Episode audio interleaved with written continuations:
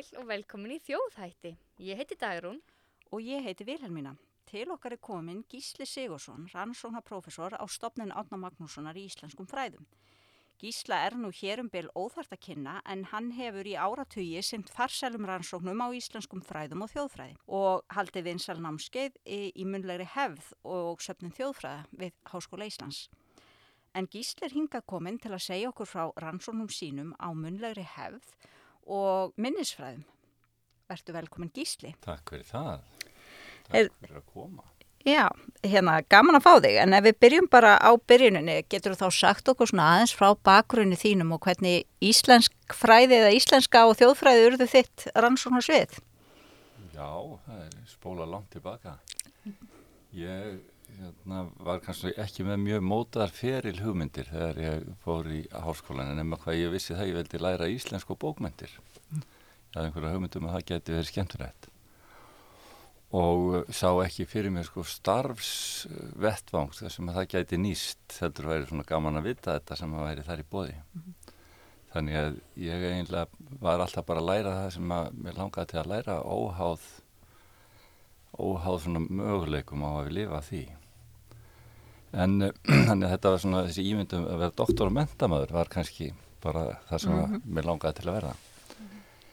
En uh, svo kemur það bara fljótlega í ljós í íslenskunni að eða svona ég fæ áhuga á þessu vandamáli með Írana og upprunnan og þessa sérstöðu fornbókmentana hér.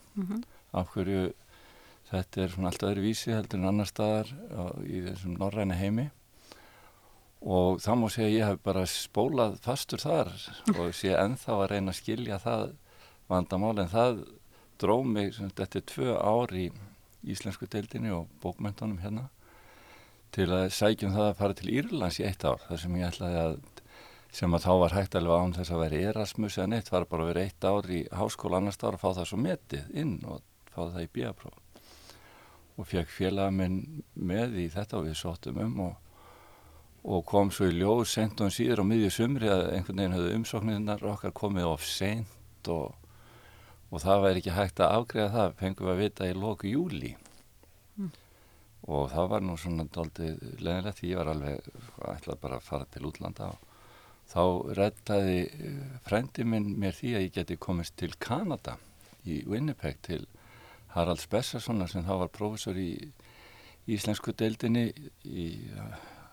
háskólanum þar. Og Baldur Hafstad sem frændi minn hafi verið þar og sagði að Haraldur myndi geta komið mér inn með engum fyrirvara. Sem reyndist rétt, ég þurfti ekki að taka neina ennsku próf eins og maður þarf að gera og sagt bara í ágúst á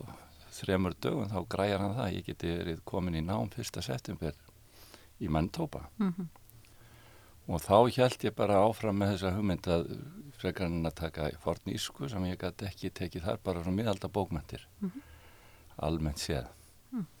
Og var svo að lesa eddukvæði hjá Haraldi líka og og einhverja kanadíska bókmyndir og svona fjekk þetta allt með nema eddu hvaða námskeiði því að ég var búinn að taka námskeiði hvaðum hér heima og það var talið að ég kynni nóg í þeim en ég held að þetta hafi verið svona gagligasta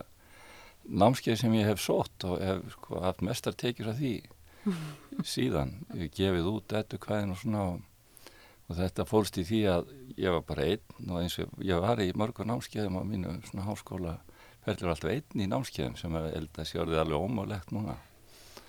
Og við hittumst sko, á förstudagsmótnum í þrjá klukktíma við Haraldur með einni kaffipásu og ég átti alltaf að vera búin að undibúa allt sem sagt var í tíman og hann bara svona kinkaði kolli og, mm. og saði já eða nei og, og eitthvað mm. þannig ég átti að vera búin að lesa allt um hvert hvæði sem að skrifa hafi verið og átti að segja frá því í hverju viku með einu kaffiból á milli þannig að þetta var geysilega lærdomsrikt og og svona má segja ég hafi sögt mér ofan í þennan svona miðalda heim í, í kringum þá var að læra fornensku og þísku og einhverja latínu þannig líka og mm -hmm. þannig að þetta var þannig hefur allt nýst mér mjög vel þótt að hafi verið út úr kortinu þá með við það sem að ætlast það til? Já, en þetta var sérstaklega hvað skiptin á með og svo leiðis Já, já. Og svo síðar ferðu að rannsaka vestur Íslendinga það ekki og frásagnir þeirra. Jú, Byrjaði það þarna, Já, það er mitt, já, það var, Haraldur var hérna, hann var svona gætt græja margt og meðal annars tveggja mánuða styrk hann um vorið eftir, eftir þennan námsvetur að nú skildi ég að fara að taka viðtölu vestur Íslandinga Mm um, uh, um hérna, þeirra tungutak. Þetta var eiginlega málfræðaransókn, ekki sko, þjóðfræða vettvansferð. Og ég, hann, hann hefði sjálfur skrifað um sko, þessa mállísku sem hann kallaði vestur íslensku og hvernig hún hefði orðið fyrir áhrifum frá ennskunni og margt hérna, varðvitt frá Íslandi, sérstaklega reymur, en það komið aldrei óvart þarna vestra hvað fólk talaði alveg eins og bara gamla fólki í sveitinu fyrir norðan þar sem ég hef verið þó að það var notaði síðan tökuorðum eitt og annað sem hefði bæst við veröldina frá því að, þau, að fjölskyldur þeirra fluttu frá Íslandi í lok 19. aldar Mhm. og þegar fólk er að herma eftir vestur Íslandingum með einhvern svona amrískum hreim þá er það ekki hinn eiginlegi vestur íslenski hreimur, hann er bara gamall og góður íslenskur hreimur en fólk sem hefur lært íslensku auðvitað á efri árum að það kannski hefur þennan enska enska kanadíska hreim. Og, og þetta var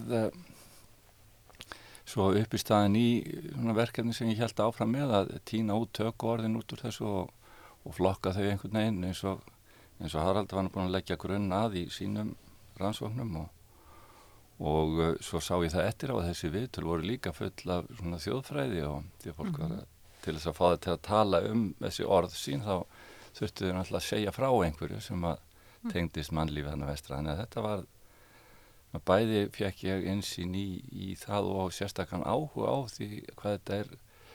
una, sérstakt samfélag þannig að vestra. Því að þegar fólk kemur til Vinnipög svona bara eins og ferðamenn þá er kannski ekki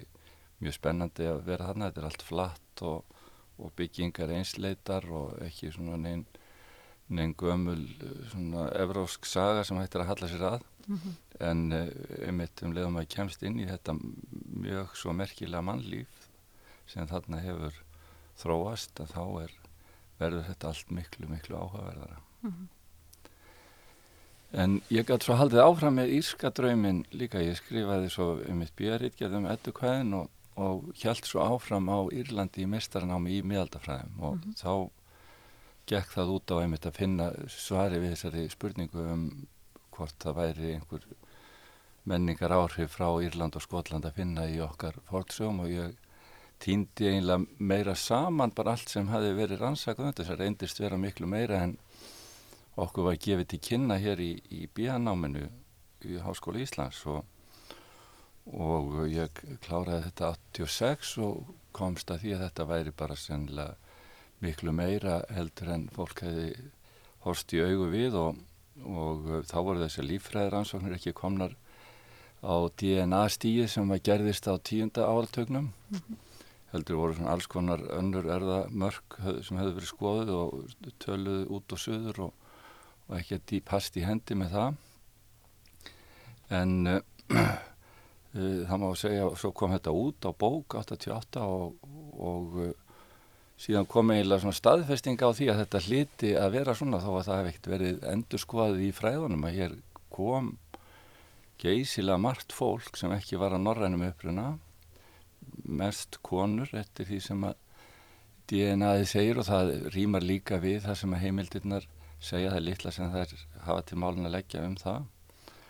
og að það eru 60% eins og genin sína hvem fólk sem hinga kemur að ekki norrænum uppruna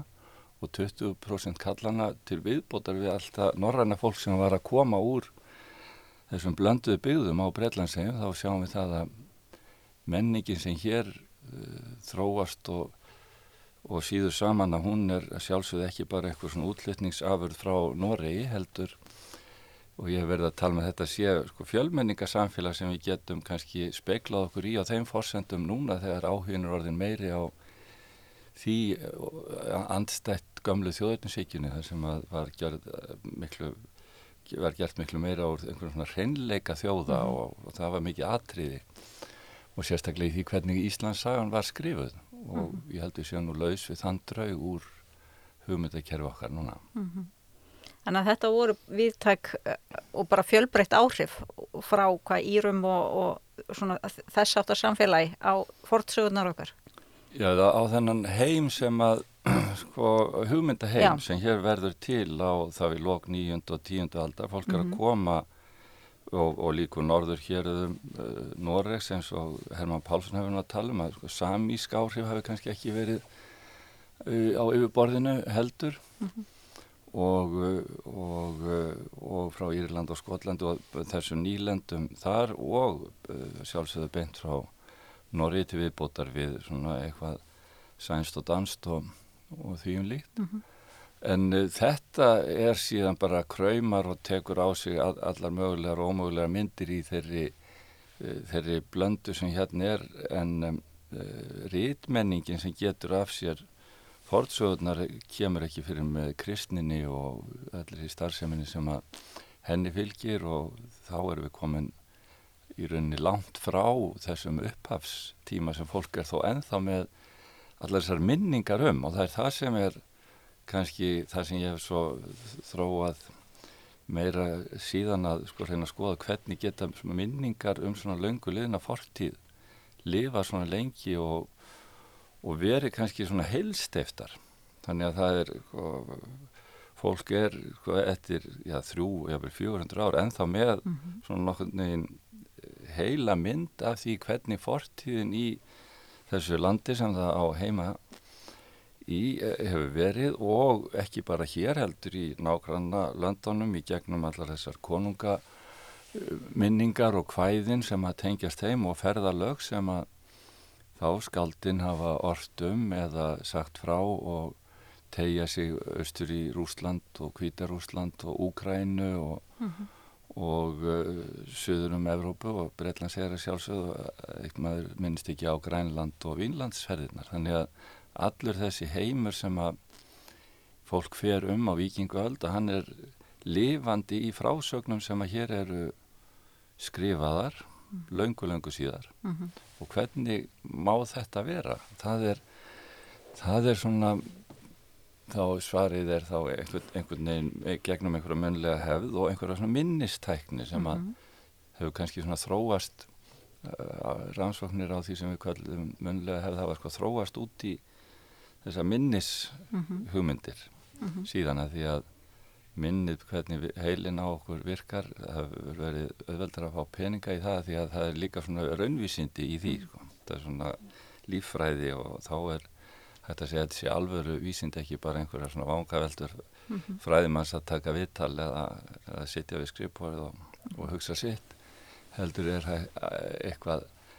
í heilana sem hægt er að skoða. Og þá eru allt í ennu opnir rannsóknarsjóðir. Já,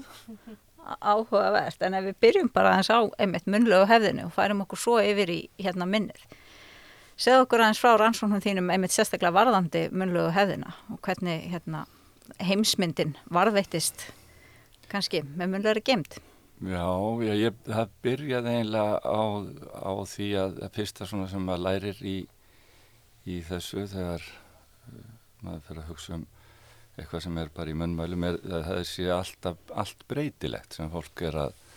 segja frá og hvæði sem fólk er að fara með. Hvað fólk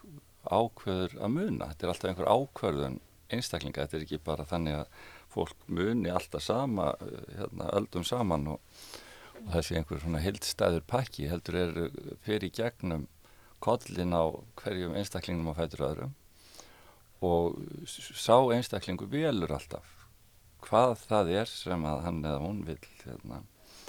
muna af öllu áreitinu úr hefðinni og hverju er þá miðlað áfram til næstu kynsluðar og, og þesta, þetta ferli verður til þess að áhugi einmitt þá ólíkra hópa ef um það er að hann fer að koma fram í því sem að miðlað er og, uh, og uh, hvað það er úr fortíðinni sem við höldum til haga. Og uh, ég sá það einmitt í ettu hverjum að ég var búin að liggja svona yfir þeim með, með Haraldi í Winnipeg að uh, þau höfðu verið flokkuð með svona hugmyndum um ólíkan aldur að, að uh, þetta var á blómaskeiði þjóðeitinsíkjunar þar sem að fólk hugsaði sér þjóðina sem eina uh, held þar sem að öll töluðu einum rómi um ágæti sitt eða minningar sínar og, og svona. Og það sem að blast einhvern veginn við var að, að þessi einkinni sem voru talin einkinni ólíks aldurs og smekk sem hefði þá þróast með þessari heilstæðu þjóð voru einnkjörn sem var miklu auðveldar að tólka sem svona ólík eh, bara áhuga svið sem var hægt að greina eftir kynbundnum áhuga. Sem hvaðin eh, einbeita sér meira að hvern personum hetju sagna heimsins og viðbröðum þeirra, tilfinningum þeirra og eitthvað svona. Og önnur hvaði eru bara að tala um hérna, heiður og sæmt og gull og völd og, og uh, baráttu í kringum það og það sem að höfuð fjúka og, og menn eru drefnir eins og hérna ekkert sé til þess að ná sínu markmiðum. Og, uh, og ég hérna setti þetta þá í, í það samhengja til þess að þessi kvæði hefði allveg verið skrifuð á hérna, 13. öll sem þau voru þá hlýttu þau að vera endur speikla áhuga sem þá var því að þetta ekkert getur varðveist í munleiri hefð nema að fólk hafi áhuga á að halda í lifandi mm -hmm. og þá getur við séð ólíkan áhuga, ólíkan smekk emitt uh, á 13. öll á rítunatímanum endur speiklast í, í kvæðunum sem við verðum þá að hætta hugsa um sem fulltrú og ólíkra aldurskeiða. Mm. Þetta var svona fyrsta eh, einhvern veginn svona uppgötunni fannst mér sem að ég sá að það skipti máli að hugsa um þessa gamle texta út frá því hvernig uh, munnileg hefð og, og ég mitt minningar fólks gæti hafa mótað á. Mm. Og ég, ég er eiginlega bara svona enþá að vinna út úr þessu. Svo var önnur hugmynd sem að líka eiginlega má reykja þannig til Winnipeg ársins því að ég var svo aftur í halvt ára að kenna fyrir Harald þegar hann kom hinga heim til eh, Íslands að taka við háskólanum á Akureyri. Að uh, þá var, var fyrsti rektor þar og, og þá hérna kemur hann svona í einhverja kynnisferð hér fyrst og þurfti ég að hérna, kenna fyrir hann í halvt ár á meðan verið var að svona græja það hvernig er þið haldið áfram með þá stöðum mm og uh,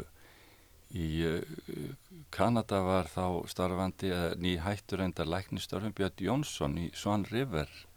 lengst norður í Manitoba, litlu þorpi þar. Og hann hafði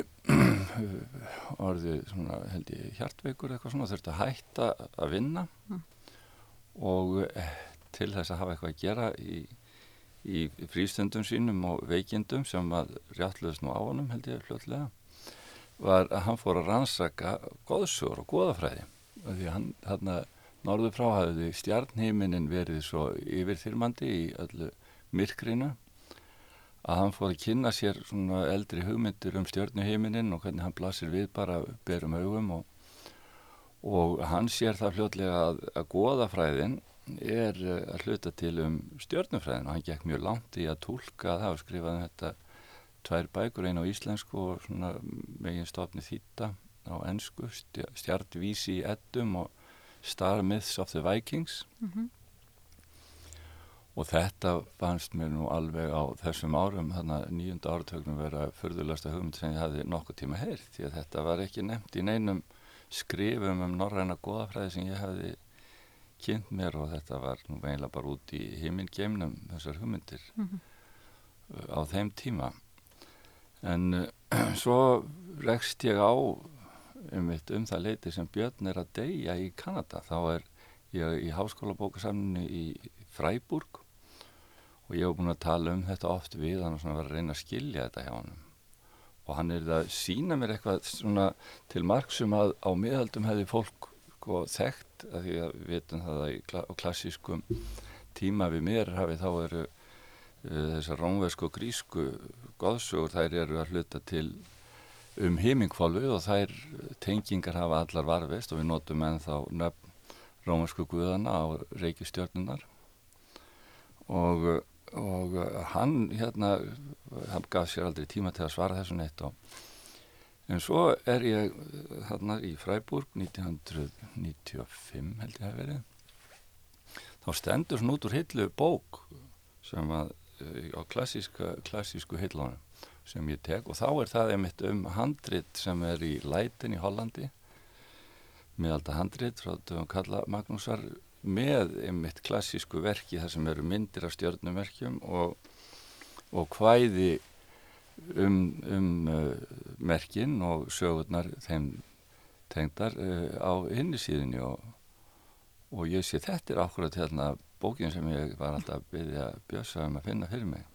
nema hvaða svo fæ ég bara fréttir af því að hann hafi dáið þarna um morgunin Já. í Kanada snöglega úr sínum hjartasjúkdómi lóksins og það var greinlega sá ég að þetta hefði verið eitt af hans vist verkum í handanheimunum var að rétta mér þessa bók. Hinnum með við Allandshafið Já. En uh, þannig ég fór að taka þetta svona aðeins af meiri alvöru og þá svona til að gera langa sjóðstöð að þá fellur þetta í rauninni inn í þessa minnis hugmynd alla. Að við erum að læra goðafræðina sem einhverju heiðni og, og læra um uh, trúabröð fyrir kristni og eitthvað svona. Og, og heimildirnar eru alla frá 13. öld. Snorri með sína ettu sem hann er að kenna ungskáldum að yrkja uh, dróttkvæði sem er uh, svona, mikil mentun og þjálfun til vegna þess að þetta er atvinnu grein að yrkja þessi kvæði, maður getur búist við því að fá borgað, þetta er ekki neitt svona neinn þjóðleg fræði, heldur mikil svona yfirstjættar listgrein Mm. sem var flókin á miðaldum og, og listin gekk út á það að vera erfið. Þannig að það var í rauninni eftirsóknarvert að fela merkingun einhvern veginn og þá er allur sá galdur og féluleikur, hann byggist á tilvísunum í góðsagnaheimin og til þess að geta tekið þátt í listinni og leiknum að þá verður uh, skaldið og þá er væntalega áheyrendur þess að þekkja allar góðsjóðunar og þegar Snorri er þá að miðla þessu á 13. öld þá er hann ekki að kenna fólkin eina heiðni hann alveg b- baktryggi sem er það ekki trúa þessu þetta er ekki Guð, þetta er sjálfsögðu bara miskilningu fólks í gamla sem ekki þekkti hinn rétta Guð alveg eins og við þekkjum núna í í bara nútíma vísindum það verður að segja okkur eitthvað heimsmyndir frá miðaldum, þá er okkur alltaf satt því viti það fólk náttúrulega á miðaldum vissi ekki alveg hvernig það var, það var með þetta vittlöst að held að jörðin væri miðinni en núna vitum við að jörðin snýst í kringum sólina og bara vita að nú eru komið þetta rétt en þeir voru með þetta vittlöst í gamla alveg eins er snorri sko, fólk vissi ekki hverinn rétti Guð var en við getum samt notað eitthvað af sögunum frá þeim. Og hann uh, fer að miðla þessu og þetta er allt saman á himni þegar maður fer að lesa gilvækynning og þetta hefur held ég bara sko skauta í gegnum hérna, heilakveilin á okkur öllum þegar við vorum, höfum verið að lesa þetta vegna þess að fadir voru þú sem ert á himnum það tekur þetta engin bóstælega Guð á himnum, já já það, það er engin Guð á himnum. Það er bara svona maður talar svona eins og maður talar um að sólinn kom upp, sólinn kemur náttúrulega ekki upp það er bara jörðin er að snúast og þá virðist sólinn koma upp, þetta er svona blöf og og þetta var það sem Bjössi Björn hérna, Jónsson í Svan Rivera hann var gekk út frá því að allir hefur tekið eftir þessu sem að var ekki. Þannig að öll sviðsmyndin eða heimsmyndin sem að Snorri byrjar á að tekna upp í gilvækningu, Askur, Yggdrasils og allir þessi staðir og salir sem að guðinir búa í þetta er allt sagt vera á himni. Er bara bóstaflega, það er ekki einu svona tólkun og, byrju, þá, og þá erum við komin með þetta klassíska mótel sem að minnisfræðin og minnistæknin kennur okkur að allt sem við þurfum að muna, allt sem við erum að læra það þarf að tengjast við eitthvað sem við vitum fyrir, annars er þetta bara einhverjir óskildi fróðlegsmólar og það verður aldrei neitt og neinu. Og við hérna byggjum alla mentun svona upp að við svona fáum einhverju yfirsýn og svo byrjum við að nóða inn í það hér og þar og, og eftir því sem höldum lengur áfram í skóla þá verður alltaf yfirsýn minni og við lærum bara meira og meira um minna og minna. Og og þá getum við skilið það að vegna þessara svona atvinnumennsku í skaldskap þá heldur fólk áfram að halda lífandi þessu hugtakakerfi um heiminin sem er fyrir ofan okkur öll alltaf. Og fólk hefur örnefni um heiminin eða staði og sali á himni eins og það hefur um allt hérna niður á jörðinni. Og við glemum því ofta heiminin er miklu sínilegri í heimi sem hefur ekki ramagn og mengun af yðnaði og eitthvað svona. Og uh, þá er alveg mikið að sjá og tala um þar uppi eins og eitthvað dali og fjöll og hóla hérna nýra á jörðinni. Og í rauninni miklu meira spennandi vegna þess að þetta er allt svo dölafullt og fólk skilur þetta ekki alveg. Og það eru í rauninni fyrstu vísindi manna, svona kerfisbundin skráning á einhverju er uh, að fylgjast með reyfingum þessara heimintungla hvernig heiminfestingin reyfis, svona snýst eitt, eitt ring á hverjum degi og hvernig þessir, þessir reykistjórnurimi sem reyka um eh, færa sig innan í þessari mynd. Og þá eru talin með þannig, tunglið og, og sólinn er, er þessum reykistjarnaflokki og svo eru, eru Týr og Óðinn og Þór og Freyja og svo vitum við ekki hver er í norræni Saturn, það er Saturnus Mm. og það er strax þegar verður að þýða stjörnufræði texta á,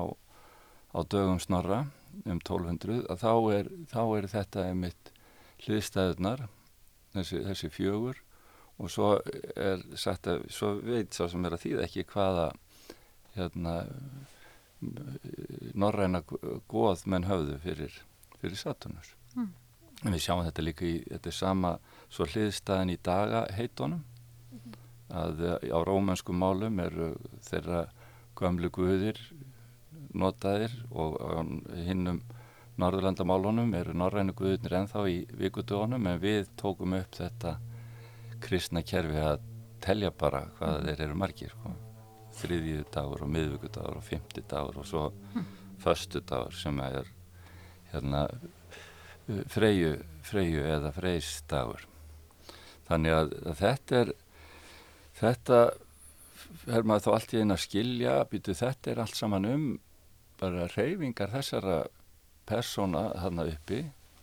og svo er hlaðið á það öllum þessum tilfinningum og gildum og hugmyndum um mannlífið sem að uh, góðmögnin standa fyrir og við erum auðvitað að tólka og reyna að skilja og, og alltaf betur og betur hvaða er runni djúb greining á bara mannlífinu og sálarlífinu og átökum fólks, fólkin í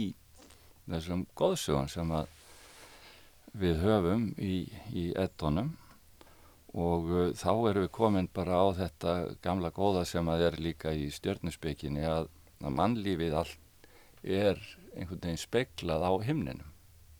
Guða, veröldin, góðsögurnar eru speilmynd af mannlífinu bara í yfirstærð alltaf og, uh, og þetta er grunnur eins og sem líka í bara sálfræði nútímas að, að Freud og, og hans uh, kollegar þeir uh, notuðu mikið svona góðsagna minnstur til þess að tólka sínar svona sálfræði greiningar og setja þær einmitt í samband. Það er sama þar eins og í uh, minnisfræðin þótt að setja nýja þekkingu inn í einhvert kerfi sem við höfum fyrir og þar eru þessar djúbu sko árþúsunda gamlu greiningar á mannlífinu sem góðsögurnar geima og miðla en þá í fullu gildi þó við verðum að kannski að taka snorra trúanlega með það við eigum ekki að trúa þetta eins og Guði heldur er þetta eh, endurspeglun á greiningu uh, fólks á mm. ja, sjálfum sér og þá erum við líka komin með sko skýringu á því af hverju þetta er allt saman en þá lífandi á 13. öld. Þetta er löngu hægt að vera eitthvað heiðið ritual eða einhver yðkun á heiðinni. Þetta er bara hugtaka kerfið og orðfærið sem að uh, fólk er með um umhverfið sitt. Og þá fyrir ég líka að rifja þetta upp allt saman betur sem að Bjössi hafi verið að segja í, í uh, Winnipeg, hann held fyrirlestra hjá Haraldi um þessi fræði sín í svona stjörnurskoðunar kvelvingu sem var hérna við háskólan og stjörnufræðingarnir uh, í stjörnu hérna deildin í Manitoba voru á gangi, sama gangi og Haraldur þannig að hann hafði ágætt svona samneiti við þá og þeir fullu séðan um það að allt sem lita stjörnufræðinni væri alveg mjög nákvæmt og gott og rétt hjá bytni og hann var að tala um sko, að einstakir viðburðir svona í reyfingu reykistjarnana væru beinlinnins það sem væri verið að segja frá í, í góðsjónum og, og það var alltaf að spurja þá stjórnufræðingarna hvenar gerðist það að þess og þessi reykistjarna síndist vera hérna á svona hlið við hlið á himninum í þessu merki? Og þeir reiknað allt saman út og þá er þetta allt saman svona að gerist þetta á einhverjum tímum sem eru hæfilega nálegt vikingu öll til að geta verið söguefni þeir eru alltaf alltaf hissa á þessum sko, spurningum hans að var alltaf, það var alltaf eitthvað sem var hægt að hérna, finna stað á himninum. Þó ég sé nú ekki alveg vissum að það sé alltaf hægt að eldan alla leið í, í þeirri tólkun en uh, en uh, hann fer Björn á fyrstur ástefnuna sem að Smithsonian-stofnunin heldur um það sem að hefur verið kallað ethnic astronomy eða archeoastronomy sem er haldið bara upp úr 1980 í Washington og það er afspringi þess að NASA sendi geimfar til tungsins og þá var byrjað að að þau tengja við geimferðirnar og hafa skemmtilegt að sapna upplýsingum mannkynsins um tunglið. Það væri svona eitthvað koncept sem að veri hægt að gera á þjóðfræðaverkefnið mitt. Mm. Og það kemur bara fljóðlega ljós að mannkynnið í, í heilu hlægi er með miklu meiri hugmyndur en tunglið heldur en fólk hafi átt að sjá og ekki bara tunglið heldur allan himinin. Þannig að út um alla jörð eru ólík samfélög að sjálfsögðu og öll eru búin að finna út eitthvað um heiminn mm -hmm. og hvernig hann virkar og hvernig þetta snýst og hvernig þetta reyfist hægt og hvernig svona, þessi með þessi að 2000 ára tímaskeið sem að við þekkjum sem öll vassberan sem er að byrja núna og sem er út á pólveldunni og eitthvað svona að, að sem að gengur út á það sólinn er ekki alltaf á sama stað á, á jafndægri vorpunkturinn færist úr uh, einu merkin í annars sem er staðurinn sem að sólinn er á á vorjafdægri þannig að hún var að fara inn í fiskamerkið fyrir 2000 árum og er núna að fara inn í Vassberan og þetta er svona 2000 ára öld sem að fólk var búið að uppvætva fyrir löngu síðan að væri tímaeining. Bara því að fylgjast mjög nákvæmlega með og skrá í landslægið eða á einhverjar töflur Uh, hvernig afstæða stjarnana væri. Og allstæðar er fólk með einhverja tilfinningu og einhverja svona einhverja útgáfa því sem við kallum stjörnusbyggi að reyna að skilja skilabóðin sem að eru skrifið í heiminin þetta eru guðirnir eru allstæðar að tala við mennina hvar sem að þeir nú eru. Mm -hmm. og með þessum táknum. Og það er verkefni lærða, lærðu elitunar á hverjum stað að ráða í þessi tákn og fylgjast með þessu og, og skilja hvað er að gerast. Og til þess að tala um þetta þá notar fólk út um allan heim tungutak góðsagnana það er bara mm -hmm. tungumáli sem er notað um þetta og þá sér maður það að, að um, norræna góðafræðin er ekkert ólíka þessu leiti en þetta er sjálfsögðu bara einn ein leið inn í þennan heim að það er svo margt og mikið meira mm. þar að, að hafa heldur en bara lýsingar á heimingkválinu en það held ég að sé sko skýringin að þetta lifi svona lengi, þetta er löngu hætt að vera eitthvað ógnandi við, við svona kristin trúabröð því að svo tekur einmitt bara klassíska hugtakakerfið við og það er alveg að laðrand í heiðni eins og eins og þetta norræna en það er bara, það er bókmentirnar og, og vísindin sem koma með kirkjunni eru öll uh, mótuð af einmitt þessari miðjararhafsmenningu og okkar hugtakakerfi hverfur þá bara smá saman í, mm -hmm. í uh, glemskunar dá og verður kannski lifir það, maður veit ekki alveg hvað fólk langt fram eftir öldum skildi og vissi hvað snorra þetta væri að tala um því að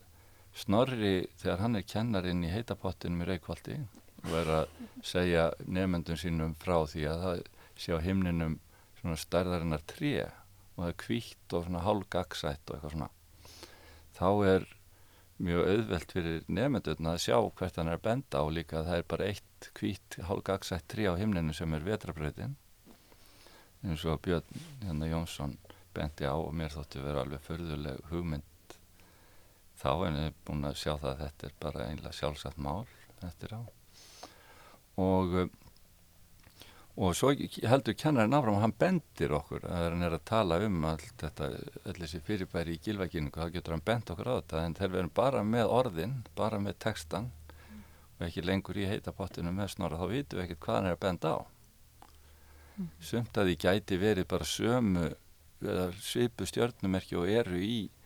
sko þessum indo-evróska sagna heimi því að við vitum það að sumt af okkar þjóðfræði efni er sameigilegt með því og þá getur sumt af stjórnumerkjónum verið það líka en, en þau, við sjáum það líka þau hafa verið að þróast og breytast og þau eru ekkert óumbreytanlega þetta er mjög menningabundið eins og allt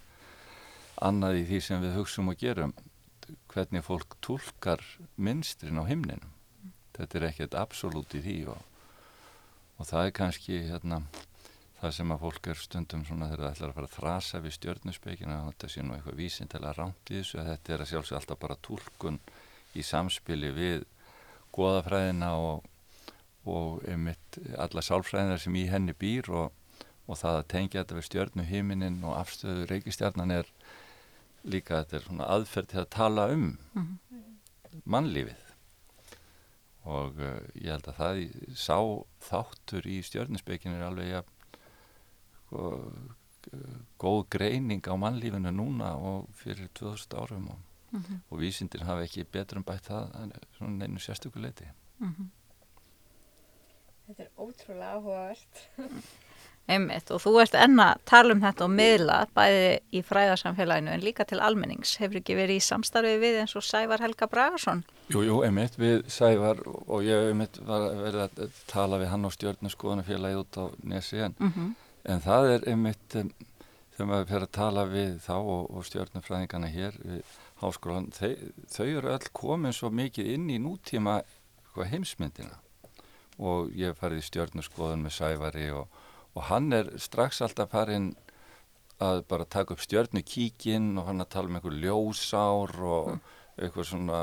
einhvern massa og þingdarafl og eitthvað svona með nútíma vísindum að útskýra allt sem hann er Mm -hmm. En uh, mitt áhugaðsvið er sko bara, en hvernig var hérna, fólk áður en allar þessar mælingar og kíkirar komu mm -hmm. og, og hvernig gata séð, hvað gata séð og hvernig gata tólka þetta. Mm -hmm. Eins og þetta bara að við, þegar við erum að horfa upp í heiminin, að reyna að hugsa okkur aftur fyrir þá hugmynda við séum að snúast í kringum sólina. Mhm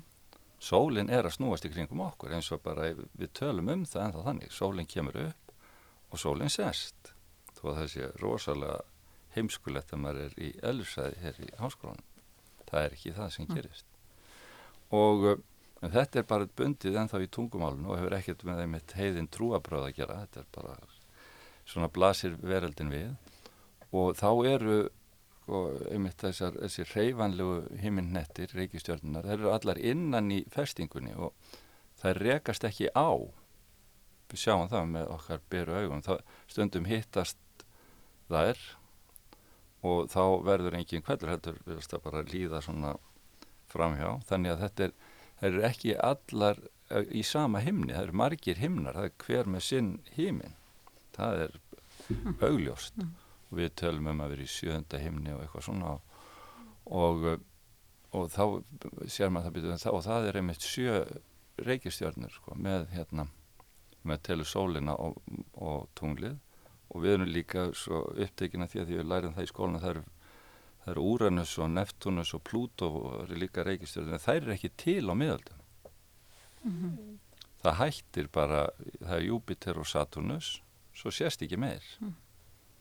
mm -hmm. þannig að það er og, og Merkur og, og Venus og Óðinn og, og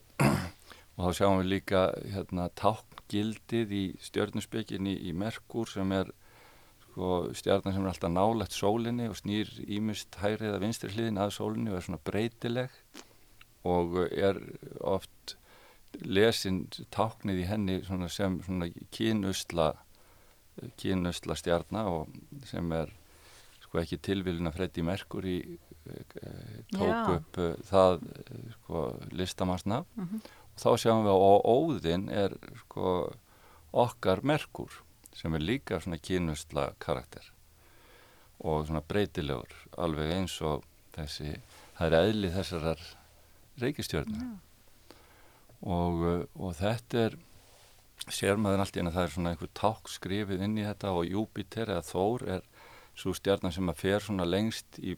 í burtu frá okkur séð á sjóndeldarhengnum með stöndum Saturnusi Mhm. sem halda kannski að það gæti hafa verið loki en við höfum ekki neitt ótvírætt en það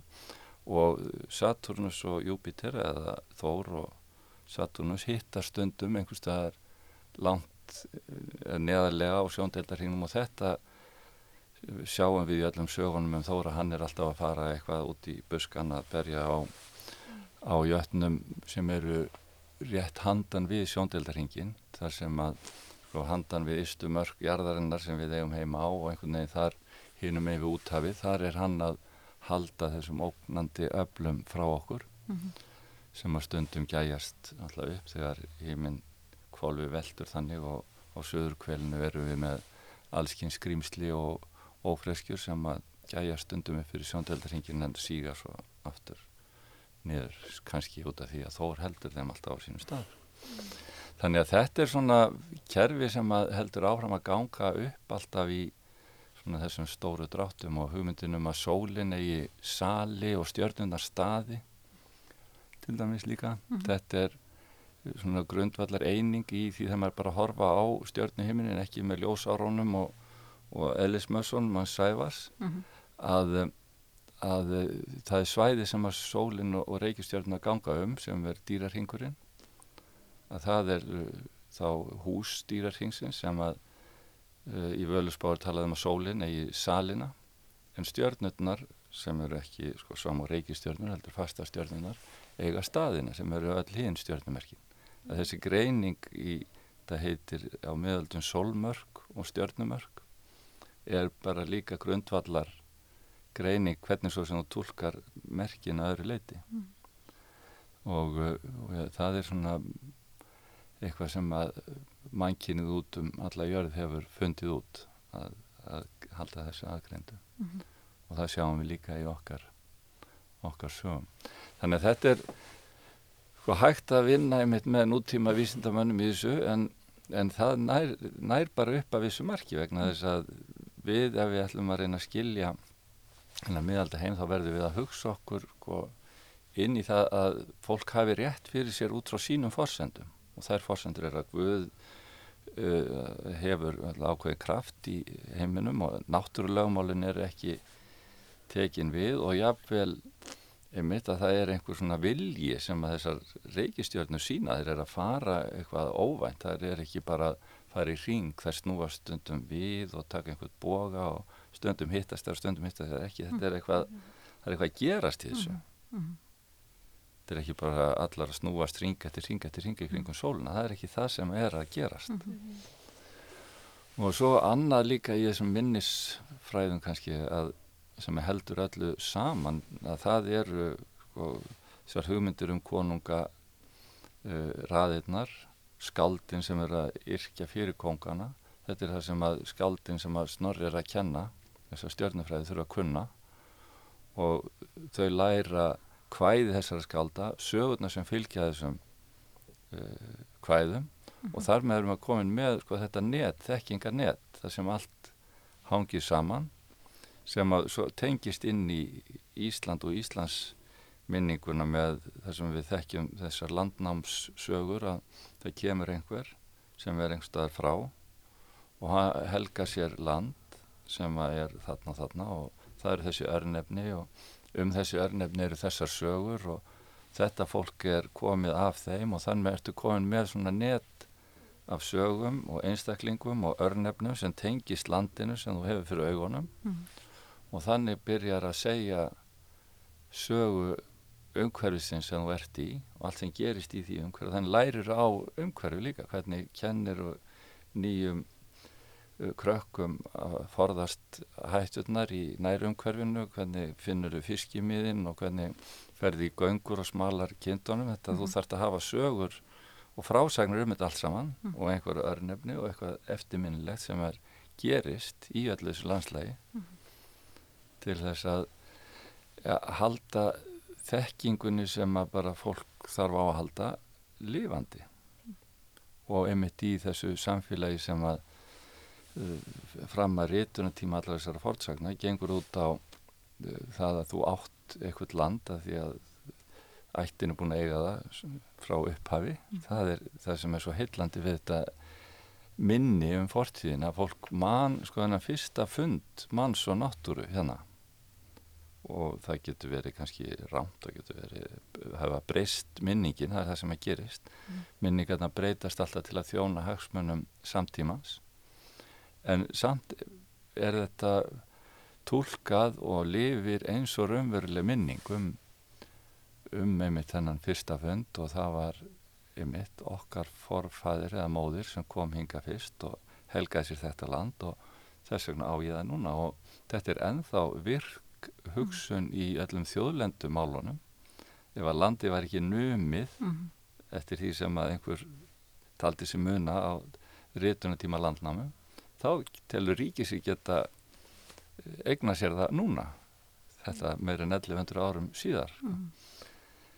og sem ég hefist svona aðdána verð hérna já, trú á gildi minningana Já. sem að eru svona fornar og, og eins og við vitum breytilegar og, og bundnar hagsmunum á hverjum tíma. Heru, þetta er ótrúlega fróðlegt búið að vera og hérna ég held við þurfum að fá því annan þátt til að ræðum fleiri rannsóknirinnar og starfsemina átnastofnun en hérna þetta var bara hérna mjög fróðlegt um, um munlega hefð og minnisfræði og hérna fórsögnar og heiminn kvelvinguna og skilning okkar á heiminum en ég held við látum þessu lokið í byli. Takk hella fyrir komuna gísli. Takk fyrir mig. Takk fyrir og takk fyrir að hlusta.